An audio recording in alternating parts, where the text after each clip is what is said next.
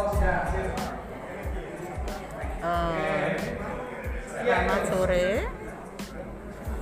Hari ini kita akan belajar ancor untuk membuat media pembelajaran melalui audio